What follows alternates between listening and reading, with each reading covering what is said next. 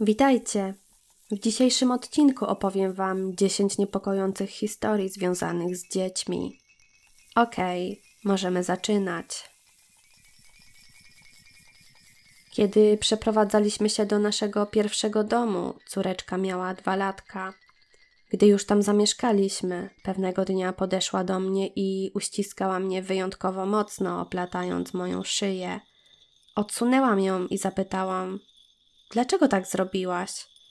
Córka wskazała palcem na pustą przestrzeń w domu i powiedziała: Ten pan robił tak temu drugiemu panu.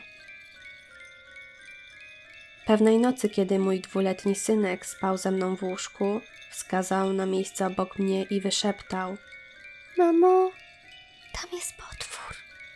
Powiedziałam: W porządku, zawsze kiedy się boisz, po prostu zmów modlitwę. W tym momencie zaczęłam się modlić. Wtedy mój synek przyłożył palec do ust i wyszeptał: Ciii, on tego nie lubi. Pewnego razu opiekowałam się jako niania małą dziewczynką, która podczas zabawy lalkami oderwała jednej z nich głowę i wrzuciła do pudełka, w której znajdowało się sporo głów innych lalek. Zapytałam dziewczynki, dlaczego tak robi. Odpowiedziała: Ćwiczę. Nigdy więcej się nią nie zajmowałam. Gdy sprawdzałam w elektronicznej niani z podglądem wideo, czy moja dwuletnia córeczka w końcu usnęła, zobaczyłam ją stojącą w łóżeczku w strasznie dziwnej pozycji. Nagle przechyliła głowę na bok i powiedziała: Cześć. Skąd mogła wiedzieć, że akurat patrzę na ekran niani w tej samej chwili? Zbieg okoliczności?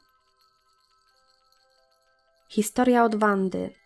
Moja pięcioletnia siostra od dłuższego czasu była jakaś smutna i mało rozmowna, co do niej w ogóle nie pasowało. W końcu postanowiłam zapytać się, co się dzieje. Powiedziała mi, że widziała coś brzydkiego. Zapytałam się więc, jak to wyglądało i gdzie to było. Odpowiedź mojej siostry zupełnie zmroziła mi krew w żyłach. Powiedziała coś takiego, cytuję. Siedziało na komodzie tam w przedpokoju. Było całe czarne i dziwnie się na mnie patrzyło. A potem po prostu uciekło. Nie mogłam w to uwierzyć. Byłam tak przestraszona, że nie wiedziałam, co mam jej powiedzieć, a co dopiero cokolwiek zrobić. Postanowiłam nic nikomu nie mówić. Zaczęłam czytać o tego typu zjawiskach i dowiedziałam się, że dzieci do pewnego wieku są w stanie widzieć coś, czego my dorośli nie jesteśmy w stanie zobaczyć.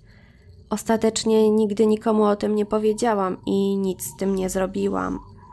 Mam do siebie pewnego rodzaju żal, że nie pomogłam mojej siostrze, ale po prostu nie byłam w stanie i nadal nie jestem.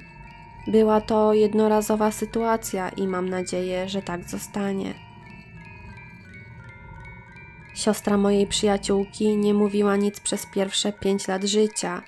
Pewnego wieczoru podczas kolacji nagle się odezwała, jak gdyby nigdy nic. Nie jesteście moją prawdziwą rodziną. Moja prawdziwa rodzina zginęła w pożarze. Kiedy moja córka miała trzy latka, zaczęła mówić o jakiejś Abigail. Twierdziła, że mieszka w naszym domu.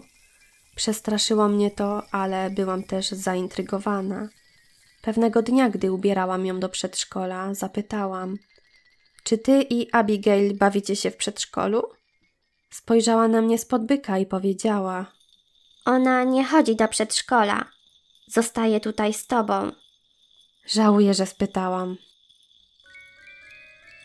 Pewnej nocy, kiedy wchodziłam po schodach na górę koło 23.30, usłyszałam, jak moja pięcioletnia córka mówi: Co wy tu wszyscy robicie? Nie jestem z tego dumna, ale zawróciłam i schowałam się w swoim pokoju na pół godziny, bo nie chciałam ryzykować, że wpadnę na coś po drodze. Historia od Dominika. Mam 13 lat i czterech siostrzeńców, w tym jedną siostrzenicę. Historia, którą chciałam się podzielić, miała miejsce w listopadzie 2020 roku. Pojechałem wtedy z rodzicami i ciotką do mojej 30-letniej siostry, która ma już dwójkę dzieci, chłopczyka i dziewczynkę. Lenkę, która ma półtora roku i to właśnie ona będzie główną bohaterką tej historii. Było około 21.30, Lenka już spała. Siedzieliśmy sobie z rodzicami, ciotką, siostrą i jej synem w salonie. Lena się obudziła i przyszła do nas do pokoju, a ja zgłosiłem się na ochotnika do usypiania jej. Poszliśmy do przedpokoju. Stamtąd był widok na kuchnię, salon, toaletę, sypialnię i na pokój mojego siostrzeńca. Do jego pokoju drzwi były otwarte i było tam ciemno. Byłem odwrócony do niego bokiem, a Lena leżała na moich rękach, mniej więcej tak jak niemowlak. I wzrok miała skierowany właśnie na ten pokój. Jej oczka już się zamykały i nagle szybko się podniosła. Mocno się mnie trzymała. Patrzyła ciągle na ten pokój i zaczęła się śmiać. Powiedziała po swojemu te słowa, Aś, aś, au, au, a. czyli piesek. Zaczęła się śmiać. Po chwili nagle pisknęła i rozpłakała się. Byłem przerażony. Szybko zaniosłam ją do siostry i wszystko jej opowiedziałem. Mój drugi siostrzeniec, brat Lenki, który za kilka dni kończył pięć lat, również bał się tego pokoju i nigdy nie chciał tam wchodzić sam. Co gorsza, tej właśnie siostrze kilka lat temu umarł pies, potrąciło go auto. Moim zdaniem to mógł być właśnie on, ponieważ Lenka powtarzała hał hał, co oznaczało, że prawdopodobnie widziała psa. Kiedy byliśmy z moim trzyletnim synem sami w domu po pogrzebie mojej babci, mały zapytał. Kto to? Zapytałam, o kogo mu chodzi. On wskazał na miejsce obok mnie i powiedział: No, ta twarz na ścianie. Wyszliśmy stamtąd w trybie natychmiastowym. Na dziś to już wszystkie historie. Do usłyszenia w kolejnym odcinku.